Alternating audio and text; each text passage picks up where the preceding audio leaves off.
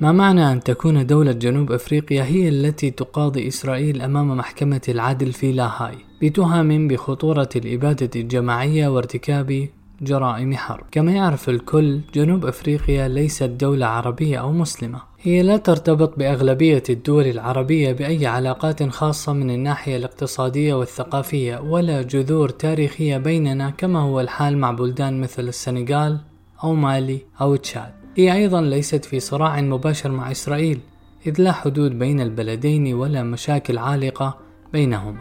إذا ما مغزى تصرف جنوب أفريقيا وهي تبدو كما يقول المثل الفرنسي ملكية أكثر من الملك أي أكثر حنوا على العرب من العرب للرد على هذه التساؤلات المحيرة. قد يرى البعض ضرورة البحث عما يفرق بين إسرائيل وجنوب أفريقيا.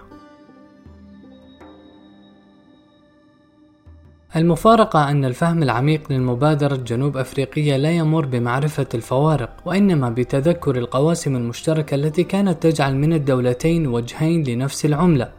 وذلك من ناحية الحرب العالمية الثانية إلى منتصف تسعينات القرن الماضي. ربما ليس من باب الصدفة أن قوانين الفصل العنصري التي عرفها العالم تحت اسم الأبرتايد سنت في جنوب إفريقيا سنة 1948 أي سنة قيام دولة إسرائيل. لكن ما ليس من باب الصدفة كل القواسم المشتركة بين الدولتين وهما وليدتا التاريخ نفسه والأيديولوجية نفسها وآلية الحكم نفسها وأساسا على النحو التالي. أولا استملاك أرض الآخرين بالقوة وذلك في إطار التمدد الاستعماري الأوروبي إلى كل قارات العالم ابتداء من القرن السادس عشر. ثانيا اعتماد أيديولوجية دينية عنصرية لتبرير الغزو والاستيطان وإعطائه شرعية يتمسك بها المستعمرون ويرفضها المستعمرون. ثالثا اتباع سياسة الإبادة الجماعية والتهجير للاستحواذ على أراضي السكان الأصليين أو وضعهم في بانتوستانات تمكن من مراقبتهم وتسييرهم عن بعد دون التكفل بحاجياتهم المادية فما بالك باحترام حقوقهم الإنسانية رابعا إنشاء واقع حرب دائمة مع السكان الأصليين ومع دول الجوار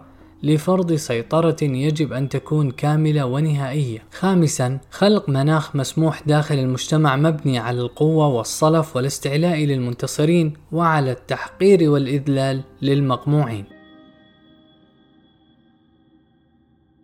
طيلة الفترة التي عشتها في شبابي أي بين الستينات والتسعينات. كان جيلي لا يفرق بين إسرائيل وجنوب أفريقيا لتشاركهما الوثيق في هذه الخصائص لذلك لم نكن مندهشين بمستوى التعاون بين الدولتين الذي كان يقال آنذاك إنه يشمل السلاح النووي أو أن نفس الدول الاستعمارية القديمة كانت تدعم الدولتين بالكيفية نفسها. ثم وقعت القطيعة المطلقة في بداية التسعينات عندما اتخذت جنوب إفريقيا مسارا وإسرائيل المسار المعاكس، فبينما كان مانديلا ودوكلارك يتفقان على إنهاء نظام الأبرتايد وبناء دولة قانون ومؤسسات لشعب من المواطنين بغض النظر عن أصولهم العرقية والدينية وإحلال السلام في الداخل ومع الجوار الإفريقي.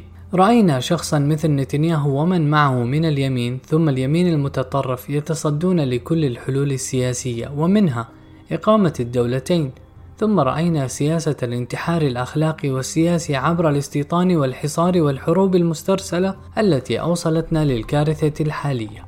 عندما تتفحص المسارين ترى بالبصر والبصيرة الفرق الهائل بين حكماء جنوب إفريقيا وعلى رأسهم العظيم مانديلا عندما وفروا على جنوب إفريقيا وأفريقيا حمام دم وبين الحمقى الخطيرين من نوع نتنياهو وبن غفير وسموتريتش الذين يتسببون لبلادهم بالمثول في لاهاي بتهمة الإبادة الجماعية وجرائم حرب. في المحصلة يمكن القول إن جنوب أفريقيا لا تتحدث في هذه المحاكمة باسمها، وإنما باسم قيم مكنتها من عبور أصعب المحن التي يمكن أن تدمر مجموعتين بشريتين وضعتهما الأقدار وجها لوجه، قيم نحن اليوم بأمس الحاجة إليها، ومنها أنه لا أكثر ضمانا للسلام بالنسبة للفرد وللشعوب من احترام حقوق وكرامة الآخرين والعكس بالعكس، أي أنه لا أخطر على إنسان وعلى شعب من احتقار الآخرين والتعدي على حقوقهم، لأن دفع الفاتورة الباهظة التكلفة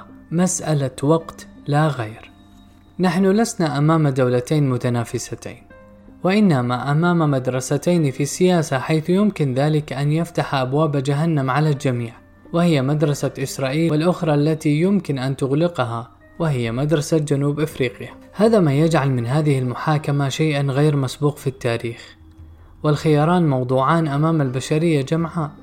أي مستقبل نحاول صنعه هو الذي ترمز له جنوب أفريقيا أو الذي ترمز له إسرائيل. لذلك يجب أن نتوقع أن الخيار الذي ستنتصر له المحكمة مؤهل لأن يكون مرجعا قانونيا ودرسا سياسيا وربما يكون تحذيرا لكل من يتصور أن المثال الإسرائيلي يمكن أن يكون الحل وهو أصل المشكلة.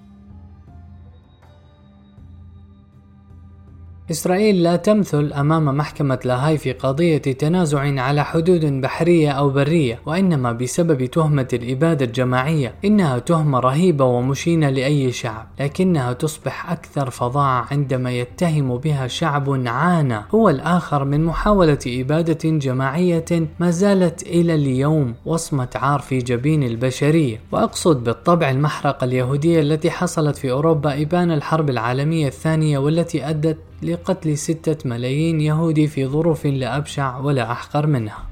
المشكلة أن أغلبية الإسرائيليين لا يتصورون العذاب الهائل الذي تسببوا فيه للفلسطينيين منذ نشأة دولتهم. هم في قضية الحال يوقفون التاريخ عند 7 أكتوبر لا يهمهم ما سبق من فظاعات نظام الأبرتايد والاحتلال في الضفة الغربية ولا فظاعات حصار غزة ولا فظاعات التدمير الممنهج للقطاع وما تسبب فيه من 30 ألف قتيل و50 ألف جريح أغلبهم نساء وأطفال. لم يعلم العالم بوجود مئات من الأطفال الأطفال المساجين في السجون الإسرائيلية إلا لما اشترطت المقاومة تبادل الأطفال بالأطفال.